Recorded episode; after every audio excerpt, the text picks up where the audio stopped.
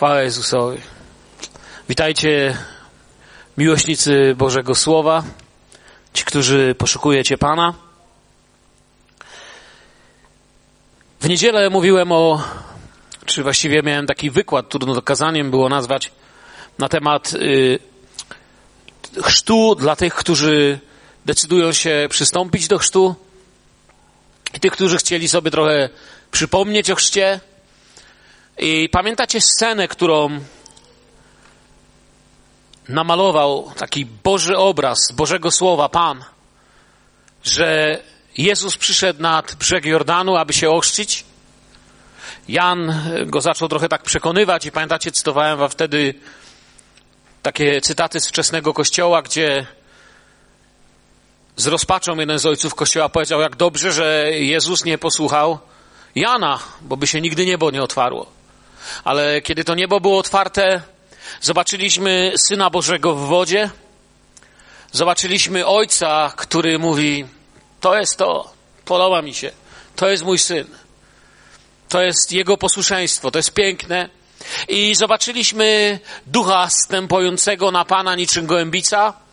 I powiedziałem wtedy, że to są takie pierwsze dla nas tak jasne objawienie Trójcy, tak jasne objawienie trójjedynego Boga w swoim działaniu. I oczywiście idąc dalej tym tropem, bo nadal jakby chciałbym mówić przede wszystkim do tych, którzy przygotowują się do chrztu, co, na, co najmniej wiem, że jeden z katechumenów jest na sali, bo to jest mój ulubiony katechumen. Czyli ten, który się będzie chrzcił, nazywa się Aneta Kulec. A nie wiem jak inni. Wierzę, że jesteście tu też? Gdzieś? Nie wiem, na ile możemy się posunąć, ale chciałbym, by również i to ułatwiło i nam, którzy jesteśmy wiele lat w zborze, w kościele, czytamy słowo, poznawanie Pana i zrozumienie Słowa Bożego, bo powiem tak, czy możemy się choćby wysilić, by pojąć Boga? Czy możemy, czy człowiek mógłby pojąć Boga? Odpowiedzi powiem tak, że najmniejsza z mrówek, zwana mrówką faraona, widzieliście kiedyś mrówkę faraona? W swoim czasie była plaga w domach. Najmniejsza mró z mrówek, zwana mrówką faraona, gdyby pojęła konstrukcję jej zadania Międzynarodowej Stacji Kosmicznej, to to by było niczym w porównaniu z tym, aby człowiek mógł pojąć istotę Boga. Jesteśmy w stanie tylko tyle wiedzieć o Bogu, ile Bóg nam objawił, ile Bóg chce nam siebie pokazać, a wiele z tego, czym Bóg jest i co przygotował, ani oko nie widziało, ani ucho nie słyszało, ani na rozum ludzki nie stąpiło, ani człowiek do końca pewnych rzeczy nie wie i dopiero kiedy tam dojdziemy, to jeszcze więcej zrozumiemy, ale i tak nie obejmiemy i same wiemy, że mózg nam skrzypi, jak tylko byśmy próbowali. Tutaj. Trzeszczy. Władca, Pan, Król, nasz Bóg objawiony w Trójcy przez Słowo Boże. C.S. Lewis, wielki pisarz, filozof, twórca, myślę, najlepszych książek teologicznych świata, przynajmniej dla mnie. Myślę, że właściwie chyba mam wszystko, co napisał i wydał. Napisał takie słowa w jednej ze swoich książek, jeśli ją czytaliście, pewnie wielu z Was tak, Cztery Miłości. Cytuję, ale być władcą wszechświata to niewiele znaczy dla Boga. Sam sobie, u siebie, w krainie Trójcy jest władcą znacznie większych włości. Nie powinniśmy nigdy tracić z oczu wizji Lady Julian, której Bóg trzyma w ręku drobny przedmiot wielkości orzecha, a, uch, a ów orzech to wszystko, co zostało stworzone. Czujecie ten cytat? Bóg jest wielki, wspaniały, ogromny. Tutaj C.S. Lewis pisze o wizji pewnej mistyczki, charyzmatyczki angielskiej, która zobaczyła wielkość Boga i właśnie tak powiedziała, że to, co nam się wydaje takie ogromne, te wszystkie światy, wszechświaty, niepojęte, co Bóg stworzył, jest jak orzeszek, który trzyma w ręce. Tak ogromny jest Bóg, w którego wierzymy. Słowo Boże mówi o tym w ten sposób w Efezjan 2:18. Albowiem przez Niego mamy dostęp do Ojca, jedni i drudzy w jednym duchu. Albo sławne Szma Izrael z piątej Mojżeszowej 6, 4, 5. Słuchaj Izraelu. Pan jest Bogiem naszym. Pan jedynie. Będziesz wtedy miłował Pana Boga swego z całego serca swego i z całej duszy swojej i z całej siły swojej. Gdzie dla Żyda nie było większej świętości niż to, że Szma Izrael, czyli słuchaj Izraelu, Bóg jest jeden. Wielu, wiele narodów, czy wiele ludzi w miarę objawiania się Boga miało objawienie Boga jako Bóg największy, najwspanialszy, najcudowniejszy, najpotężniejszy. Aż dochodzimy do objawienia pełni Słowa Bożego przez Szma Izrael. Bóg nie jest Bogiem tylko najwspanialszym, największym, naj, naj, naj, naj. Bóg jest Bogiem jedynym i w tym jest dla nas najwspanialszy. On jest największy, najwspanialszy, najukochańszy. On jest Bogiem jedynym. Pan jest jeden. Słyszałem kiedyś wiersz, który napisał bardzo lubiany przeze mnie poeta, bardzo kochany człowiek. Napisał, że Bóg jest bardzo samotny, bo przecież jest jeden na świecie. Myślę, że, bo to jest bardzo kochany, pokorny autor, miał rację w tym, że Bóg jest jeden, ale nie miał racji w tym, że Bóg jest samotny. Bóg nigdy nie był samotny, nawet zanim stworzył niebo i ziemię. A nawet zanim stworzył cokolwiek. Jest król królów, pan panów, ale nie ma kogoś takiego jak Bóg bogów. On jest, jest jedynym. Tak zwani inni bogowie czym są? No właśnie są tak zwani. Oni są tak TZW. On jest Bogiem. Dlatego nie ma sensu o tym mówić. Idziemy dalej w naszym nauczaniu i wchodzimy w piękne myślenie o Bogu. Chcę was prowadzić w coś, co da nam świeże powietrze w patrzeniu na Pana i w oddychaniu Nim. Może powiem tak. Trójca Święta. O co tutaj chodzi? Myśleliście kiedyś o tym? To jest to, jest, to, jest, to, jest to miejsce, nie? Biblijne chrześcijaństwo wierzy w Trójcę, albo innymi słowami ma charakter trinitarny. To jest to wejście na Boży grunt, gdzie ludzkie zrozumienie zaczyna mieć pod, pod górkę. Bo jeszcze sobie wyjaśnimy nawet to, jak się Morze Czerwone rozstąpiło.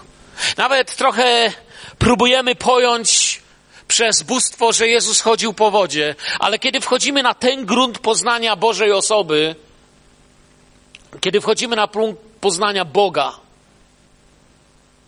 to zaczynamy być pod górkę. Nasz Kościół, ten tutaj, nasz zbór, nasz Kościół i chrześcijaństwo biblijne wierzy, że jest tylko jeden żywy i prawdziwy Bóg. Amen? Nie ma innego. Jest on samoistny i nieskończony w swojej istocie i doskonałości. To znaczy, nie potrzebował pomocy, żeby być i nie musi się doskonalić. Bóg się nie poprawia. Bóg nie jest kimś, kto musi sobie wgrać jakiś upgrade, jakąś aktualizację. On jest doskonały i był doskonały miliardy i matematyce by brakło liczb. Mówi się, że nie ma największej liczby, bo jeśli nawet ktoś powie największą liczbę w matematyce, to ktoś odpowie plus jeden i powiedział większą. Ale Bóg był dalej niż sięgamy myślą. On jest Bogiem wiecznym, w tym jakkolwiek możemy zrozumieć słowo wieczny. I Bóg jedyny objawił się nam jako byt w trzech osobach Ojca, Syna i Ducha Świętego, które stanowią jedność w istocie, jedność w mocy, jedność w wieczności. Trójca. To jest objawienie słowa. Nie wynik naukowych obliczeń albo ludzkiej logiki i sprytu Objawienie Trójcy można mieć tylko przez dogłębne i uważne czytanie Słowa Bożego. Obliczenia prowadziłyby do błędnego wniosku. To jest to, co rysują czasami ci, którzy próbują chodzić po domach i przegadywać się z ludźmi i rysują, że jeden plus jeden plus jeden równa się trzy i mówią, zobaczcie, nie ma żadnej trójcy. Obliczenia prowadzą do błędnych wniosków, poruszamy się po złym gruncie, bo Bóg nie musi niczego dodawać, jak gdyby nawet go chcieć matematycznie narysować, to by nie było jeden plus jeden, tylko raczej jeden razy jeden razy jeden. To jest Bóg. Innymi słowami, jeszcze raz to podkreślę, Trójca jest objawieniem Biblii objawieniem Słowa Bożego.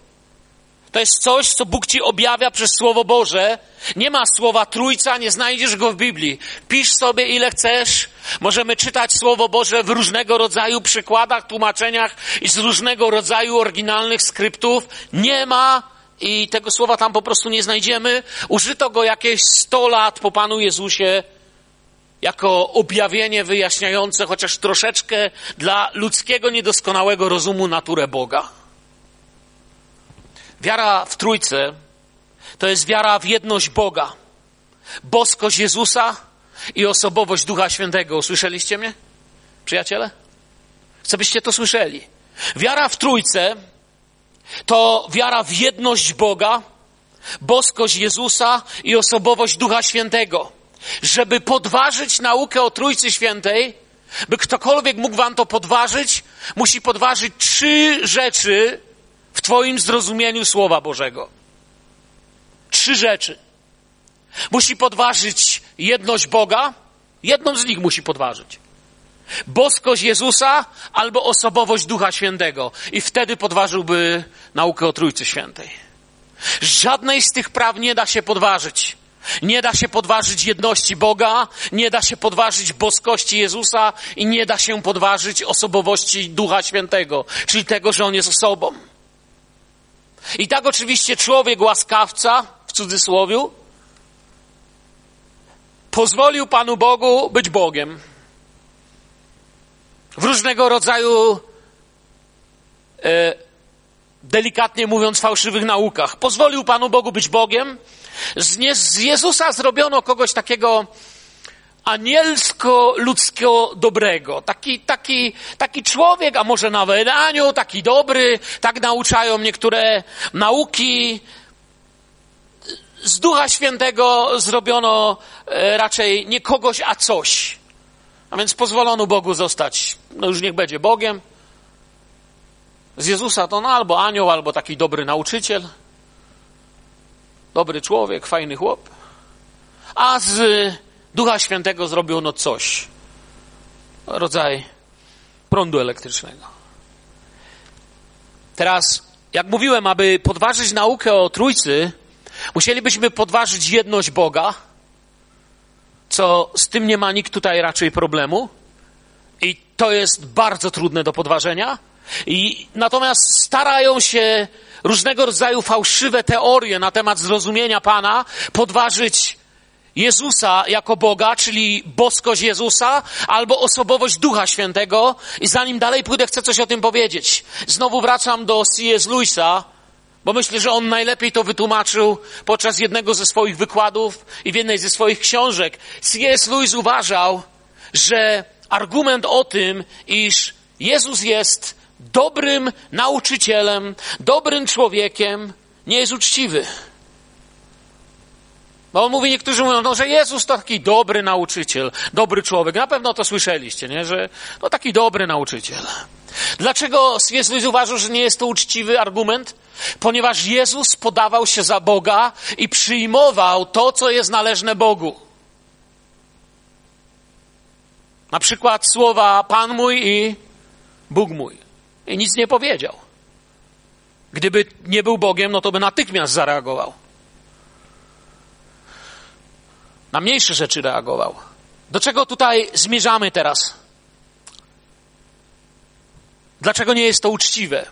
Jeśli by ktoś powiedział, że Jezus był dobrym człowiekiem i dobrym nauczycielem, który teraz podaje się za Boga, bo za takiego podawał się Jezus, to zaczynamy mieć pewne tutaj, y, to, to, to jest pewnego rodzaju paradoks teraz tutaj jest, no bo jak można kogoś nazwać dobrym człowiekiem i dobrym nauczycielem, kto podawałby się za Boga, Bogiem nie będąc? Można?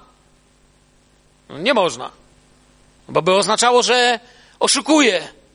Ale jeżeli był, czy jeżeli Jezus jest Bogiem, i w tym wypadku rzeczywiście był też i wspaniały w swojej wcieleniu i był przepięknym i najlepszym nauczycielem, to chcę powiedzieć tak, Jezus jako Bóg jest kimś dużo więcej niż dobry człowiek i dobry nauczyciel. Jest Synem Bożym. Objawienie Jezusa to najbardziej uderzające to jest Pan mój i Bóg mój. Teraz Duch Święty, jako Bóg. Powiedziałem, by podważyć Trójcę, trzeba podważyć jedność Boga, podważyć boskość Jezusa i chciałem powiedzieć tak, każde z tych rzeczy mogłoby być, nie wiem, pięcioodcinkowym nauczaniem i jeszcze byśmy nie wyczerpali tematu. Ja spróbuję się w tej godzince, co mam zmieścić. Duch Święty jako Bóg. I próbuję się to podważać. Gdyby Duch Święty nie był Bogiem, gdyby był rzeczywiście tylko mocą, rodzajem prądu, rodzajem siły, która nie ma osobowości, która nie jest kimś, kto kocha, myśli, czuje, mówi, jak wiemy o nim ze Słowa Bożego, to zacznę od tego, jeżeli Duch Święty nie jest Bogiem, to kogo słuchał pierwszy Kościół? Jeśli to nie Bóg, to kogo oni słuchali? Ducha, który mówi do Kościoła, i do tego jeszcze posłanego przez anioła? Czyli według antytrinitarnej nauki Jezus jako anioł powiedział, że pośle ducha, który jest prądem elektrycznym i Kościół ma teraz tego słuchać i to się będzie nazywało chodzenie z Panem Bogiem? Przepraszam, dziękuję. Duch Święty mówi o sobie samym i przemawia bezpośrednio do różnych ludzi, wydając zborowi rozkazy, zachowując się wyraźnie jako osoba i jako Bóg. Mamy choćby, wiecie, przykładów jest tyle, że godzinę bym je tylko czytał. Kilka najważniejszych. Rzekł mu duch. To są dzieje 10, 19, 20. Rzekł mu duch. Oto szukają cię trzej mężowie. Wstań przeto, zejdź i udaj się z nimi bez wahania, bo ja ich posłałem. Czyli, zobaczcie, rzek, on mówi, co jest trudne raczej dla jakiegoś prądu czy mocy, i mało tego mówi, ci, którzy idą, ja ich co? Posłałem. Jakaś bezosobowa siła nie mogła posłać uczniów i to by się nie mogło nazywać Kościołem Boga żywego.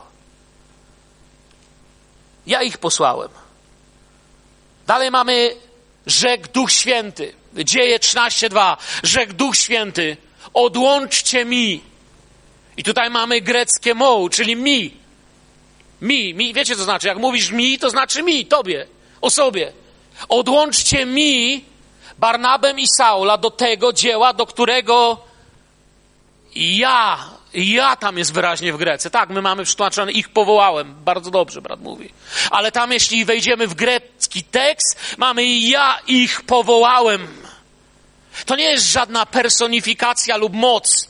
Takie coś nie mogłoby przemówić bezpośrednio. Jeśli Duch Święty to czyni, to znaczy, że jest osobą, która decyduje. W 1 Koryntian 12:11 mamy informację, że Duch rozdziela swoje nadprzyrodzone dary tak, jak sam chce. Prąd w gniazdku nie robi to, co sam chce. I żadna moc tego nie robi bezmyślna. Nie jest tu napisane, że Duch Święty rozdziela dary według na przykład, nie wiem, woli Ojca albo, to, albo kogoś innego, tylko tak, jak sam Duch chce. Bogu nie wymknęła się żadna władza nad Kościołem. Ojciec, Syn, Duch Święty i Bogu nie wymknęła się władza nad Kościołem.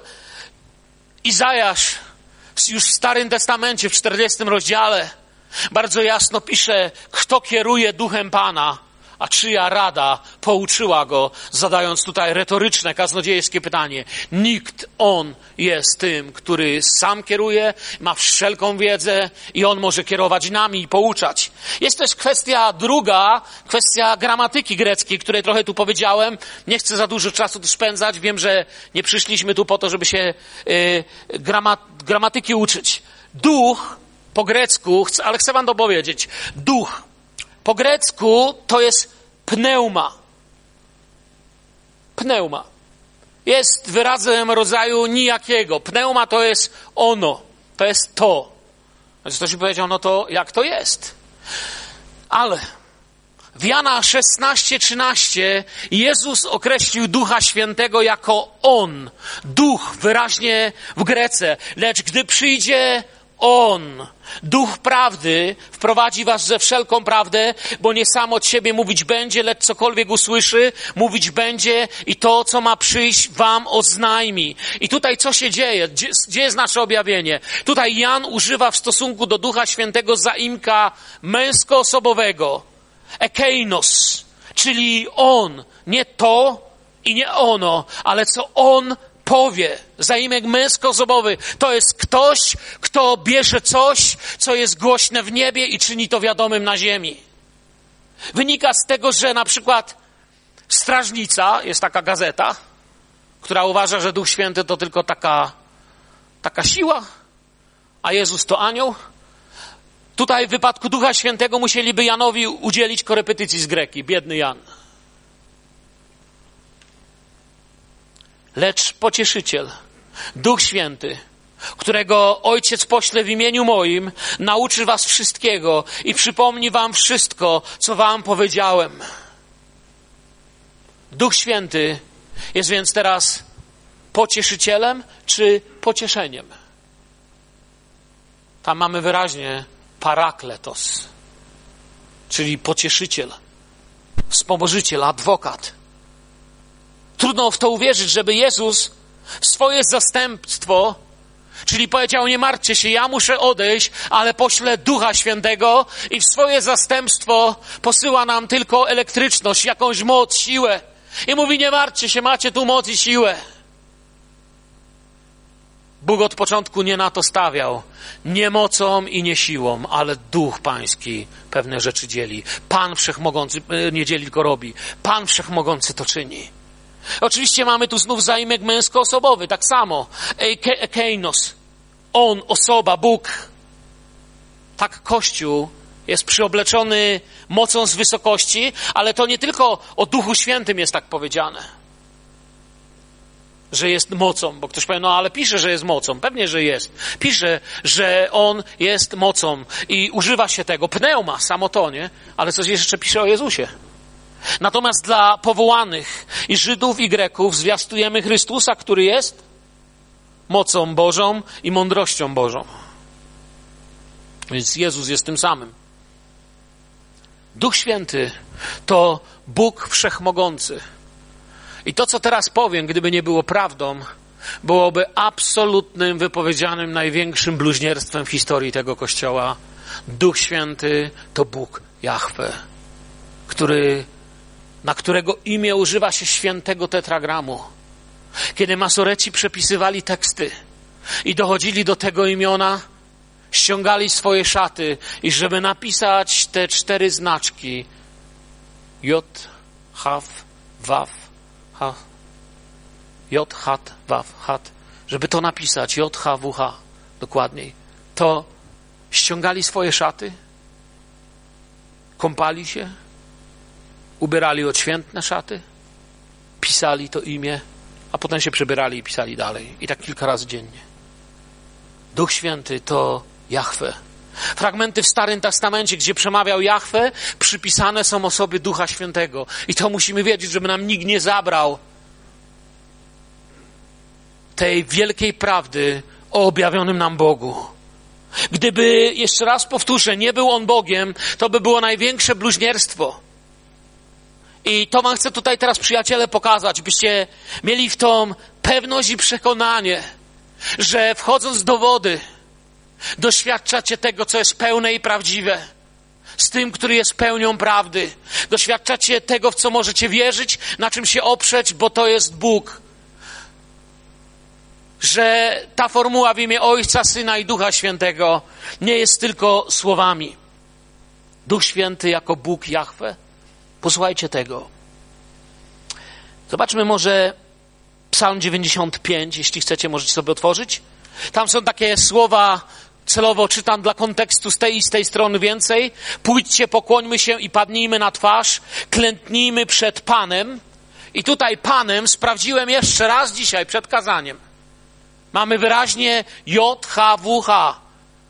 Najświętsze imię, jakie może człowiek napisać. Jahwe, który nas uczynił. I tu się zgadzamy z tym, że pójdźmy, pokłońmy się, padnijmy na twarz, klęknijmy przed Panem, bo Bóg jest godzien takiej czci. Amen czy nie? Do tej pory się zgadzamy z psalmem, tak? Który nas uczynił. On bowiem jest Bogiem naszym, a my ludem pastwiska Jego i trzodą ręki Jego. Czy zgadzacie się, że do tej pory mowa jest o Bogu? Ktoś się nie? Zgadza się, nie? To jest mowa o Bogu. Obyście dziś głos Jego usłyszeli, nie zatwardzajcie serca waszego jak w Meriba, jak w dniu pobytu w Masa na pustyni, gdzie kusili mnie ojcowie wasi, doświadczali mnie, chociaż widzieli dzieło moje. Przez czterdzieści lat czułem od razu do tego ludu i rzekłem, lud ten błądzi sercem i nie zna dróg moich, dlatego przysiągłem w gniewie swoim, nie wejdą do odpocznienia mego. Ktoś powie, no dobrze, zgadzacie się, że to jest o Bogu, zgadzacie się, tak czy nie? Ktoś powie, no ale gdzie ty tu widzisz Ducha Świętego? Idziemy dalej. Przeskakujemy do drugiej Mojżeszowej, 17:7. Nie próbuję was zarzucić wersetami, chcę, byście coś pięknego zobaczyli. I nazwał to miejsce Massa i Meriba, ponieważ synowie izraelscy spierali się tam i kusili kogo? Pana. Znowu tu mamy użyte święte imię Boże, Jahwe, mówiąc, czy jest Pan znowu święte imię Boże pośród nas, czy nie. Zgadzacie się, że to pisze o Bogu, czy nie? Zgadzać się. Idziemy dalej. Kogo tam kusili i kto to mówił? List do Hebrajczyków objawia nam taką prawdę. Dlatego, jak mówi Duch Święty, Hebrajczyków 3:7, dlatego, jak mówi kto? Duch Święty, dziś, jeśli głos Jego usłyszycie, nie zatwardzajcie serc waszych, jak podczas buntu w dniu kuszenia na pustyni. Gdzie? Kto to mówi? Przypomnijcie mi. Duch Święty, wracam do wersetu z Hebrajczyków 3, 7, 11. Gdzie kusili mnie ojcowie wasi i wystawiali na próbę, chociaż oglądali dzieła moje przez 40 lat. Widzicie Ducha Świętego, Wszechmogącego Boga tutaj? Widzicie Go? Nie dajcie sobie tego zabrać. Nie dajcie sobie tego zabrać. Bądźmy Kościołem, w którym wiemy w co i wiemy dlaczego wierzymy. Dlatego miałem wstręt do tego pokolenia i powiedziałem, zawsze ich zwodzi serce i tak dalej, co czytałem wcześniej w Starym Testamencie. Zobaczcie, tutaj mówi wyraźnie napisane, to mówi Duch Święty. Tam wyraźnie napisane, to mówi Bóg. No i nie trzeba chyba nikomu udowadniać, że są te same słowa i chodzi o to samo wydarzenie. Kto to mówi? Bóg, Duch Święty. I Bóg nie może być skrojony na potrzeby ludzi, ale słuchajmy słowa, gdzie ludzie muszą zmieniać się dla Boga. Kiedy w dziejach apostolskich, sami wiemy, Ananiasz i Safira kombinowali po swojemu, to Piotr im powiedział bardzo mocne słowa. Czym to omotał szatan serce twoje, że okłamałeś? Wiecie, gdyby Duch Święty był tylko jakąś siłą i prądem, no to, to nie byłoby aż to no, no straszne, ale ale Piotr dodaje zaraz w następnym zdaniu: Nie ludziom skłamałeś, lecz Bogu. Okłamałeś Ducha Świętego, a za chwilę mówi: Nie ludziom skłamałeś, lecz, lecz Bogu. Zobaczcie, wyraźnie objawia się nam ciągle i ciągle Duch Święty. Jak powiedziałem, by podważyć naukę o Trójcy, musi ktoś podważyć jedność Boga boskość Syna Bożego i osobowość i boskość Ducha Świętego. Trójca to nie są jakieś trzy fazy Boga albo etapy przejściowe Pana Boga. To nie jest, wiecie, jajeczko, gąsienica, motylek. To nie tak. To jest Bóg, Bóg, Bóg, Bóg i Amen. To jest to. Jako Kościół wierzymy w jednego Boga, Amen? W jednego Boga, nie w tryteizm, Tryteizm to też była fałszywa nauka, która tak jakoś to obracali, że wychodziło, że wierzymy w trzech bogów. Bóg jest tylko jeden, jest jeden w trzech osobach współistotnych sobie. Są nie tylko współistotne sobie, ale i świadome swojego własnego istnienia. I ciągle są Bogiem.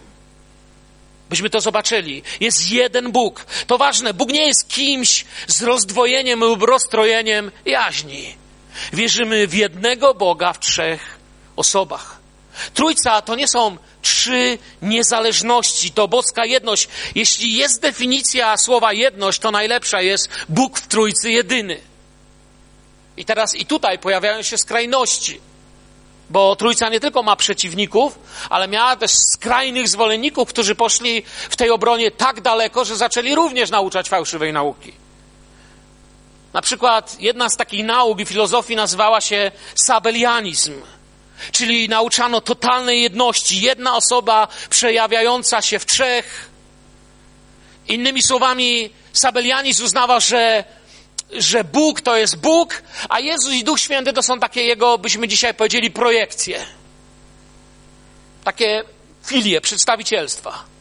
Albo tryteizm, trzy jedności, co prowadziłoby tutaj właśnie do trzech bogów. My wierzymy, że Trójca stanowi jedność, a nie trzy jedności. Trzy osoby Trójcy są oddzielne, współistotne, mają jedną boskość. I dlaczego mówimy osoba? Kto to jest osoba teraz? Osoba to ktoś, kto ma zdolność do czynności i do odpowiedzialności. To nie jest osoba, nie starczy, że coś się rusza, je i biega. To jeszcze nie jest koniecznie osoba. Osoba to ktoś, kto ma zdolność do czynności i odpowiedzialności. Nie może więc być to rzecz albo zwierzę. Bóg jest naszym stwórcą, odkupicielem i tym, który nas uświęca, tak czy nie? Tak czy nie? Być pewni tego, co tu studiujemy. Tak, Bóg stworzył świat, ale człowiek co? Na tym świecie niestety upadł. Jezus zbawił świat i człowiek może to przyjąć. Duch Święty poucza, prowadzi, czyli uświęca i człowiek może w nim żyć dla Boga. Jednak w każdym z tych wydarzeń, stworzenie, zbawienie, uświęcenie, trójjedyny Bóg ma swój udział jako Bóg. Jakiekolwiek z tych wydarzeń nie stałoby się bez pełni Trójcy, bez Jezusa nigdy nie powstałby świat. Bez Ducha Świętego nie powiedzielibyśmy nigdy, że Jezus jest Panem. Bez Boga nie możemy być świętymi, ani nic by nie było. Atanazyjskie wyznanie wiary, ustanowione w IV wieku, naucza nas, Bóg nie został stworzony Jezus nie został stworzony, Duch Święty nie został stworzony. Żadne z nich nie jest stworzeniem. I tu jest czasami problem niektórych ludzi, tak na marginesie, z innego tematu tutaj zaczerpnę. Czasami nie wiem, czy widzieliście w bajkach, w kreskówkach dla dzieci, jak kotka w Disneyu coś kusiło, to miał na ramieniu co? Tu z harfą taką myszkę, z aureolką i skrzydełkami, czyli aniołka, a tu z rogami i widełkami. I czasami stawia się Boga i diabła na zasadzie, wiesz, tak jestem pomiędzy Bogiem i diabłem. Tak nie wiem, czy tego posłucham, czy tego. To jest absolutne, to jest tak, jakbyś powiedział, że, że no masz, y, zastanawiasz się, z kim rozmawiać. Czy rozmawiać na przykład z prezesem największej firmy światowej, samochodowej świata, y, czy sprzątaczką z filii w Komorowicach przyznacie, to zupełnie dwie. Pamiętajcie, Bóg nie jest stworzony, Jezus nie jest stworzony, Duch Święty nie jest stworzony, diabeł jest jedynie tylko stworzeniem. On nie jest jakąś równą siłą, która, która też coś, on nic nie może tworzyć. On może uszkadzać. On może fałszować, kłamać, siać strach i śmierć. Przychodzi zabijać, rozpraszać i niszczyć. A więc Bóg nie został stworzony, Jezus nie został stworzony, Duch Święty nie został stworzony. Ojciec jest wieczny, Syn jest wieczny, Duch Święty jest wieczny. W takiego Boga wierzymy. Ojciec jest wszechmocny, Syn jest wszechmocny, Duch jest wszechmocny. Nie są trzema istotami, ale jedną. Ojciec jest Bogiem.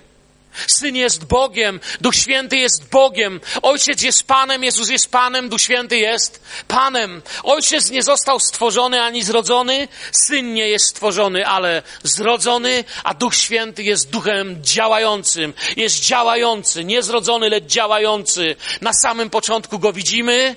Bereshit bara Elohim. Tutaj mamy Elohim i i co tam widzimy? Świat w kompletnym chaosie, a nad wodami unosił się ruach. Duch, dokładnie. Ruach.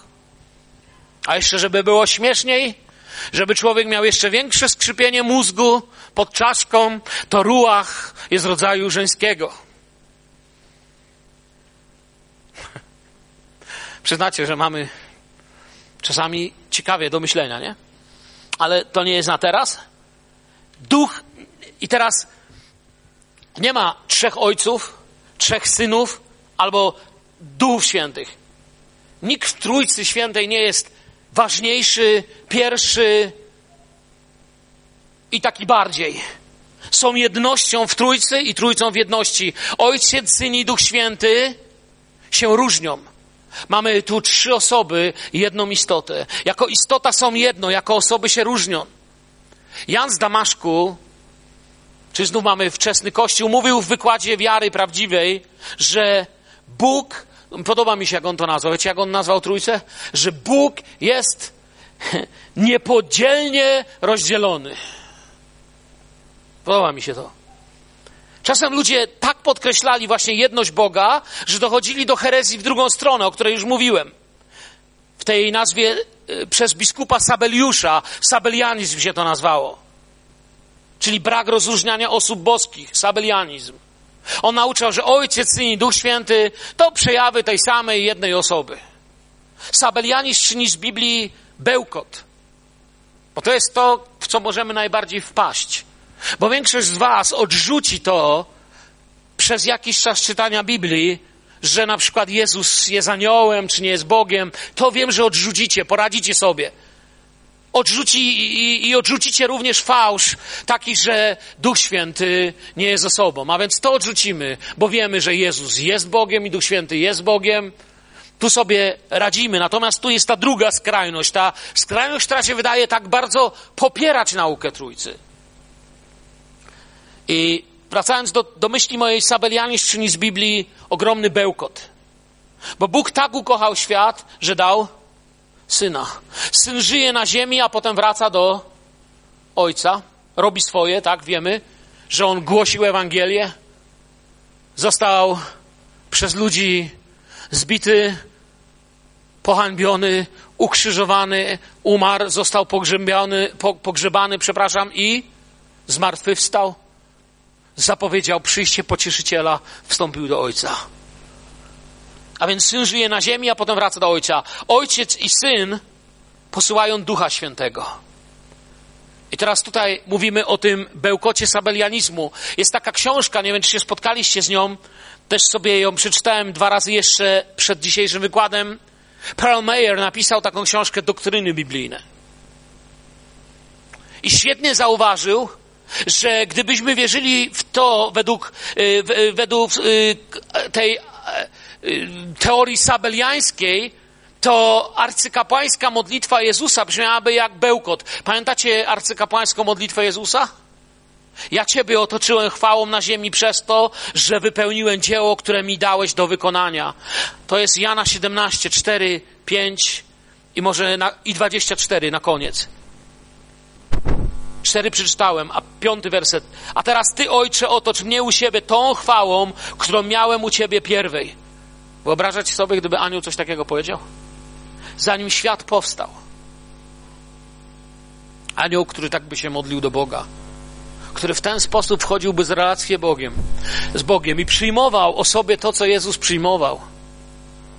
Byłby, tylko jeden był taki anioł, co chciał w to miejsce wleźć tak po naszemu tu po śląsku mówiąc, to był Lucyfer.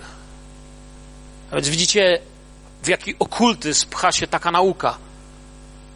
I wracam do tej arcykapłańskiej modlitwy 24 wejdzie. Ojcze, chcę, aby także ci, których mi dałeś, byli ze mną tam, gdzie ja jestem, aby widzieli chwałę moją, którą mi dałeś, bo umiłowałeś mnie przed założeniem świata. I właśnie w tej książce autor świetnie pokazuje, mówi, gdybyśmy wierzyli według teorii sabelianizmu, to ta modlitwa, modlony, Jezus, gdy się modlił, tą modlitwą byłaby absolutnym, bez, bezsensownym bełkotem. Tak jak na przykład zresztą też słowa, prawda, że nie mocą i siłą, lecz Duch Pański to sprawia, tak? Gdyby Duch Święty był mocą i był siłą, jak niektórzy nauczają, to to też by był bełkot. Że nie mocą i siłą, ale siła i moc to sprawia. A e, tu mamy jeszcze większy bełkot, gdybyśmy szli w tą drugą stronę. Tak jak Sabelianizm mówi. Wiecie, mi się podoba, gdyby to napisać według tego, jak oni wierzą, wiecie, jakby brzmiała arcykapłańska modlitwa Jezusa? Przeczytam wam. Ja siebie otoczyłem chwałą na ziemi przez to, że wypełniłem dzieło, które sobie dałem do wykonania. A teraz ja, Ojcze, otoczę mnie u siebie tą chwałą, którą miałem pierwej u siebie, zanim świat powstał. Ja chcę, aby także ci, których sobie dałem, byli ze mną tam, gdzie ja jestem, aby widzieli chwałę moją, którą sobie dałem, bo umiłowałem mnie przed założeniem świata. Do tego byśmy doszli, wierząc w te rzeczy. Myślę, że komentarza nie trzeba. Zobaczmy teraz od początku na Biblię. Jak się zaczyna, już mówiliśmy o tym. Bereshit bara Elohim. Elohim. Czyli tutaj mamy słowo rzeczownik w liczbie mnogiej, czyli moglibyśmy nieomal powiedzieć bogowie. Na początku bogowie. Elohim to jest liczba mnoga. Czy nam się to podoba, czy nie? Tak jest w języku hebrajskim. I teraz zobaczcie, co jest ważne. Żyd, mówiąc Elohim, wiedział, i każdy hebraista wam powie, że Elohim to jest liczba mnoga. Żyd, mówiąc Elohim, wiedział, że mówi w liczbie mnogiej. Żaden z Żydów nigdy, powtarzam nigdy i dodaję, że nigdy i podkreślam, że nigdy nie zgodziłby się, że jest więcej niż jeden Bóg. Nigdy. Teraz chodźmy do Nowego Testamentu. Apostoł Paweł zawsze nauczał, że jest jeden Bóg, tak czy nie? Znał hebrajski, znał grekę, znał Torę, proroków, pisma. Jego Bóg to Bóg Abrahama, Izaaka i Jakuba. I tu nikt nie ma co do Pawła wątpliwości. Dobrze mówię czy nie? Wiedział to wszystko. Jednak to on mówi o boskości Chrystusa, tak. On istniejący w postaci Bożej nie skorzystał ze sposobności, aby na równi być z Bogiem, lecz ogołocił samego siebie, przyjąwszy posłać, postać sługi, stawszy się podobnym do ludzi, a w zewnętrznym przyjawie uznany za człowieka. Uniżył samego siebie, stawszy się posłusznym aż do śmierci i to śmierci krzyżowej. Czy coś zauważacie tutaj? Jezus nie poczytał sobie być równym Bogu, ale przyjął co? I Paweł o tym mówi z przejęciem, czy nie? Tak, nie? Paweł o tym mówi, to, to jest coś. On nie upierał się zachłannie przy tym, aby być równym Bogu. Paweł mówi o tym jak o czymś wspaniałym. Czy mówilibyście jak o czymś wspaniałym, gdybym ja wam powiedział tak, wiecie, nie poczytuję sobie być równym Bogu. A ludzie powiedzieli, ale Mirek jest wspaniały. Hmm, nie poczytuje sobie być równym Bogu. Nie, powiedzielibyśmy chłopie. Pycha jest początkiem Twojego upadku. Co Ty w ogóle mówisz? Ale w wypadku Jezusa to, że nie poczytał sobie być równym Bogu, uznano za chwałę i honor. Widzicie to? W wypadku jakiegokolwiek anioła czy człowieka, to, że postanowił, że nie będzie równał się z Bogiem, byłoby tylko bluźnierstwem i jego wstydem. Tu jest to poczytane za chwałę. Mnie, wiecie, nikt nie chwali, że nie chce być równym Bogu. Tak jak mówię, raczej byście mnie napomnieli i to byłaby pycha, ale nie w wypadku Pana Jezusa. Nie ma jakiegokolwiek atrybutu Boga, którego nie posiadałby Chrystus. Czyli cokolwiek możemy powiedzieć, że Bóg jest taki, taki, taki, to możemy, bo to są atrybuty Boga, wszechmocny, wszechobecny, wszechmogący i tak dalej, to są atrybuty Boga, to to samo możemy powiedzieć o Jezusie. W nim mieszka cała pełnia boskości. Paweł pisze też do sporu w Koryncie, łaska Pana Jezusa, Chrystusa i miłość Boga i społeczność Ducha Świętego niech będzie z wami wszystkimi. Zobaczcie, w swoim błogosławieństwie pisze o trzech boskich osobach. I teraz kolejna wielka prawda. Paweł nigdy, nigdy, podkreślam jeszcze raz nigdy, nie mógłby pójść do Żydów żeby przeszli na chrześcijaństwo, gdyby chrześcijaństwo oznaczało cokolwiek więcej niż wiarę w jednego Boga. Chrześcijanin i Żyd razem mogą powtórzyć Szma Izrael Adonai Elohim. Jest jeden Bóg i nie ma dwóch bogów, trzech bogów czy pięciu. Żaden Żyd nie, szedł, nie przeszedłby na chrześcijaństwo wtedy i dziś, gdyby to oznaczało więcej niż jednego Boga. Rabini mesjanistyczni, Żydzi, którzy się nawracają, znawcy i uczeni hebraistyki i najlepsi hebrajscy nauczyciele, którzy uznają w Jezusie Mesjasza, nigdy by tego nie uznali. Kiedy wyznają, że Jezus jest Mesjaszem, to ludzie, którzy znają Stary Testament, to znaczy, że musimy tu też znowu i choćby przez ich świadectwo uwierzyć, że nauka Nowego Testamentu nadal nam mówi, Bóg jest jeden. Kiedy mówimy w imię Ojca, Syna i Ducha Świętego, gdyby oznaczało trzy różne osoby, w sensie oddzielne religie, oddzielne idee, oddzielne pomysły, może byśmy musieli mieć trzy kaplice oddzielne.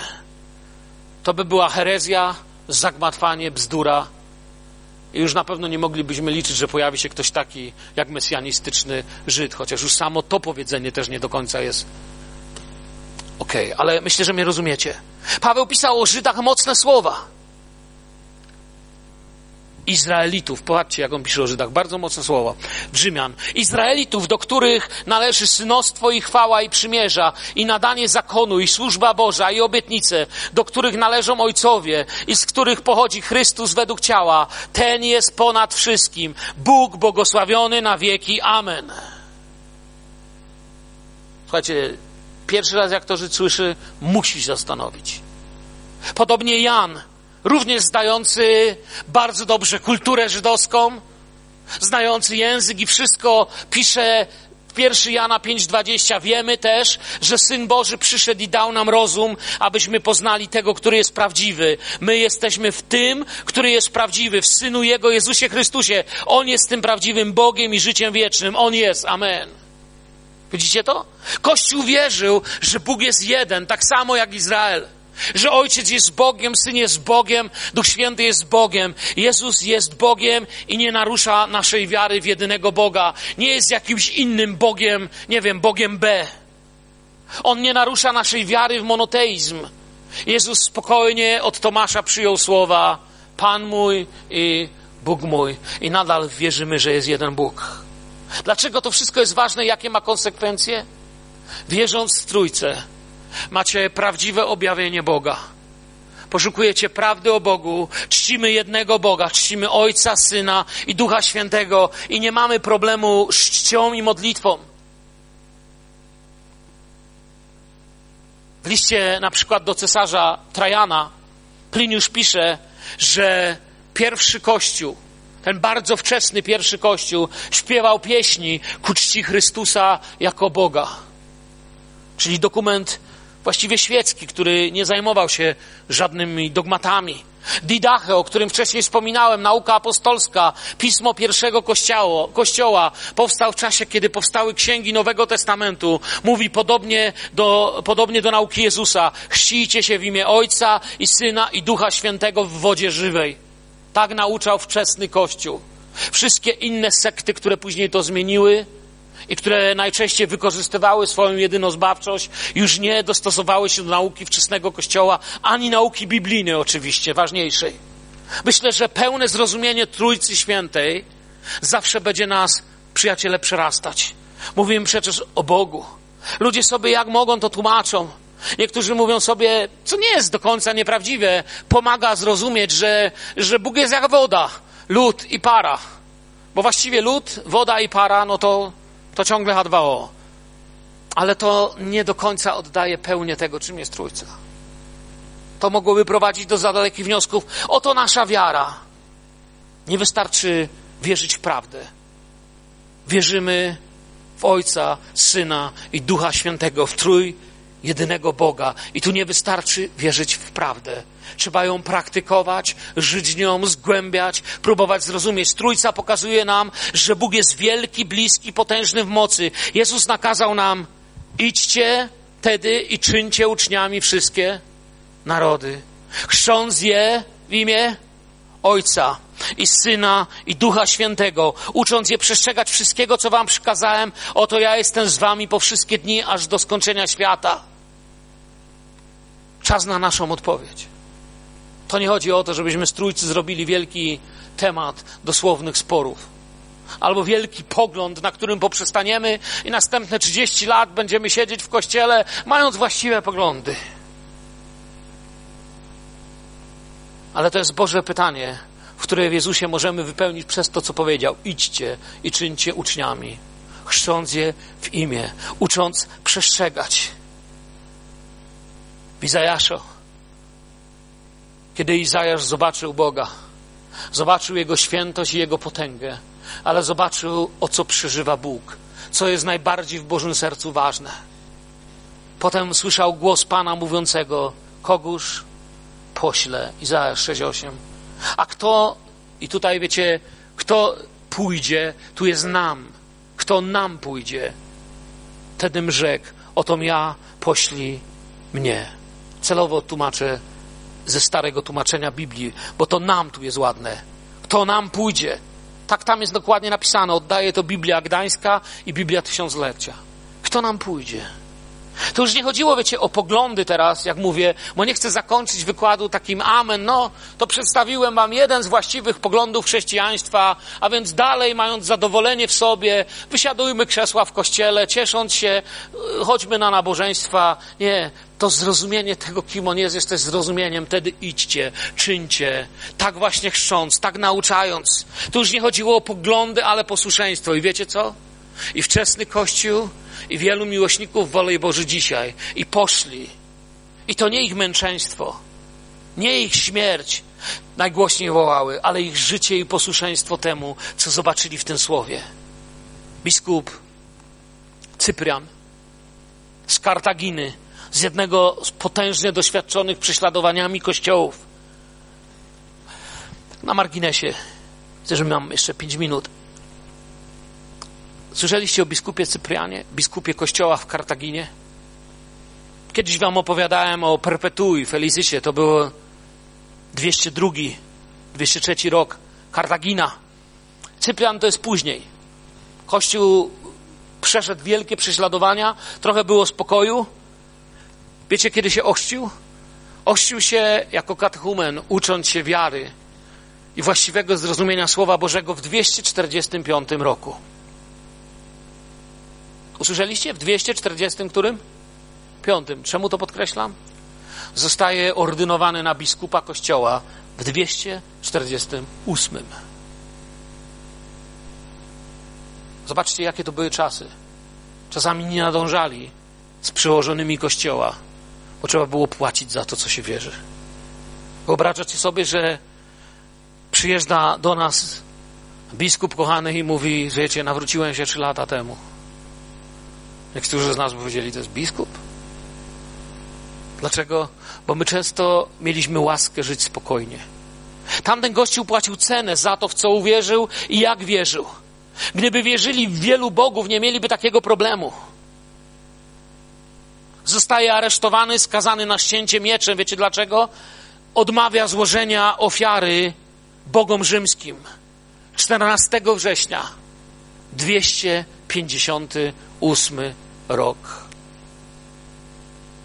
Zostaje na Villa Sexti, niedaleko Kartaginy, pod rządami Waleriana, zamordowany przez żołnierzy ścięty. Czy zauważyliście daty? Chrzest przyjmuje 245, ordynacja 248, męczeństwo 258. 12 lat wiary. Ten brat szedł przez życie i zapłacił cenę. Uwierzyli i poszli. Coś wam przeczytam z jego kazania. Bardzo mnie poruszył w swoim posłuszeństwie. Niepodobna być męczennikiem temu, kto nie jest w kościele. Nie dojdzie do królestwa, kto porzuca tego, który królować powinien. Nie mogą być z Bogiem ci, którzy nie chcą zachować jedności ducha w kościele. Próżno dają się palić w płomieniach i na stosach, albo życie swe oddają w paszczenkach dzikich zwierząt. Wszystko to nie będzie zwycięstwem wiary, wiary, lecz karą niewierności. Można śmierć ponieść, a nie mieć prawa do wieńca nagrody. Bo jeszcze raz mówię, nie mogą być blisko Boga ci, on nauczał, którzy nie zachowują jedności Kościoła którzy nie przyjmują tej prawdy, którą Kościół głosi. Ojciec nas stworzył, Syn nas zbawił, Duch nas uświęci. A co to znaczy uświęcać się, pamiętacie? Nauczałem to o tym. Uświęcać się, gdybym miał jedno zdanie definicji. Uświęcać się. Chcecie się uświęcać, czy nie? Uświęcać się to znaczy stawać się podobnym do Jezusa. Dlatego nie w to ma następną niedzielę, jak Bóg da dożyć, Będę chrzcił w imię Ojca, Syna i Ducha Świętego. I niech nasz czas będzie czasem przed obliczem Najwyższego Boga. Powiem Wam tak, tyle by można jeszcze powiedzieć. Ale musimy stawać się wierzącymi, którzy są świadomi swojej wiary. Nie po to, by toczyć spory, ale po to, by wiedzieć, za kim idziemy. Spory nie są chwałą, tak jak pisał Cyprian. To nie chodzi o to. Chodzi o jedność. Chodzi o zrozumienie bycia częścią Kościoła. Bo to nie chodzi o sprzeczki. Kiedyś przyszli do mnie świadkowie. I właściwie pogadaliśmy. I rzekłbym tak, wygrałem. Na, na pyskówkę wygrałem. Kiedy sobie poszli, powiedziałem do mojej gośki, pamiętasz ich, nie? Wtedy, powiedziałem do mojej gośki tak, czuję, że nic dobrego nie zrobiłem. Nie czuję żadnej satysfakcji. Wygrałem pyskówkę. Ludzie sobie poszli. To nie o to chodzi. To nie o to chodzi, byśmy dziś powiedzieli, że właściwą doktrynę teraz mamy i możemy być zadowoleni, ale że mamy właściwe pójście za nim. Że tak wierząc, będziemy mogli, jak Augustyn, powiedzieć, że są dwa rodzaje miłości. Jest miłość siebie, aż do zaparcia się Boga. Miłość siebie aż do zaparcia się Boga i miłość do Boga, aż do zaparcia się siebie w męczeństwie. To nie chodzi o argument, chodzi o prawdę i o nasze świadectwo działania. Wstańmy podziękujmy Bogu za wielkie objawienie Jego osoby, za to, że mamy czas pokoju, że mogliśmy tak jak wczesny Kościół spotkać się i nie musieliśmy tego robić w katakumbach, nie musieliśmy tego robić drżąc, nie musieliśmy czterech braci wystawić na straż, bo może przyjedzie jakaś straż nas aresztować. I może zrobią tak jak w Związku Radzieckim, słyszałem, że robili, że wchodzili, zrzucali pastora z kazalnicy i mówili: Każdy, kto wierzy w Jezusa Chrystusa, nie zostaje. Ci, co chcą być wolni, macie 15 minut na opuszczenie budynku. Zostałbyś? Coś wam powiem, idziemy ku takim czasom. Nie wiem jak my, ale myślę, że Kościół musi pamiętać o tym i my na pewno musimy w modlitwie. Nie wiem, czy nasze pokolenie jego świadczy, ale wiem jedno, że Kościół nie ma fanklubu na tym świecie. Kościół ma jednego, który nas kocha i tęskni za nami.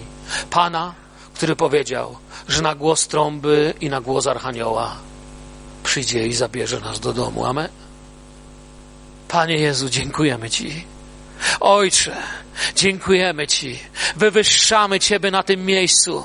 Cudowny nasz Boże, chwalimy Ciebie i dziękujemy Tobie, że możemy w wolności w pełnej, Panie, radości, uczyć się o Tobie, że możemy, Panie, zgłębiać Twoje słowo, że możemy, Panie, chodzić w takiej prawdzie i nie wykorzystać ją, Panie. Nie chcę jej wykorzystać po to, żebym coś wiedział, ale chcę Ci służyć. Chciałbym, aby moje życie zostawiło wieczny ślad w Królestwie Bożym przez tych, którym złożę świadectwo, których przyprowadzę, którym zaświadczę, że Ty jesteś jedynym Bogiem, moim Królem, Zbawicielem, siłą, mocą, skałą, moją prawdziwą, moim prawdziwym ratunkiem, moją twierdzą.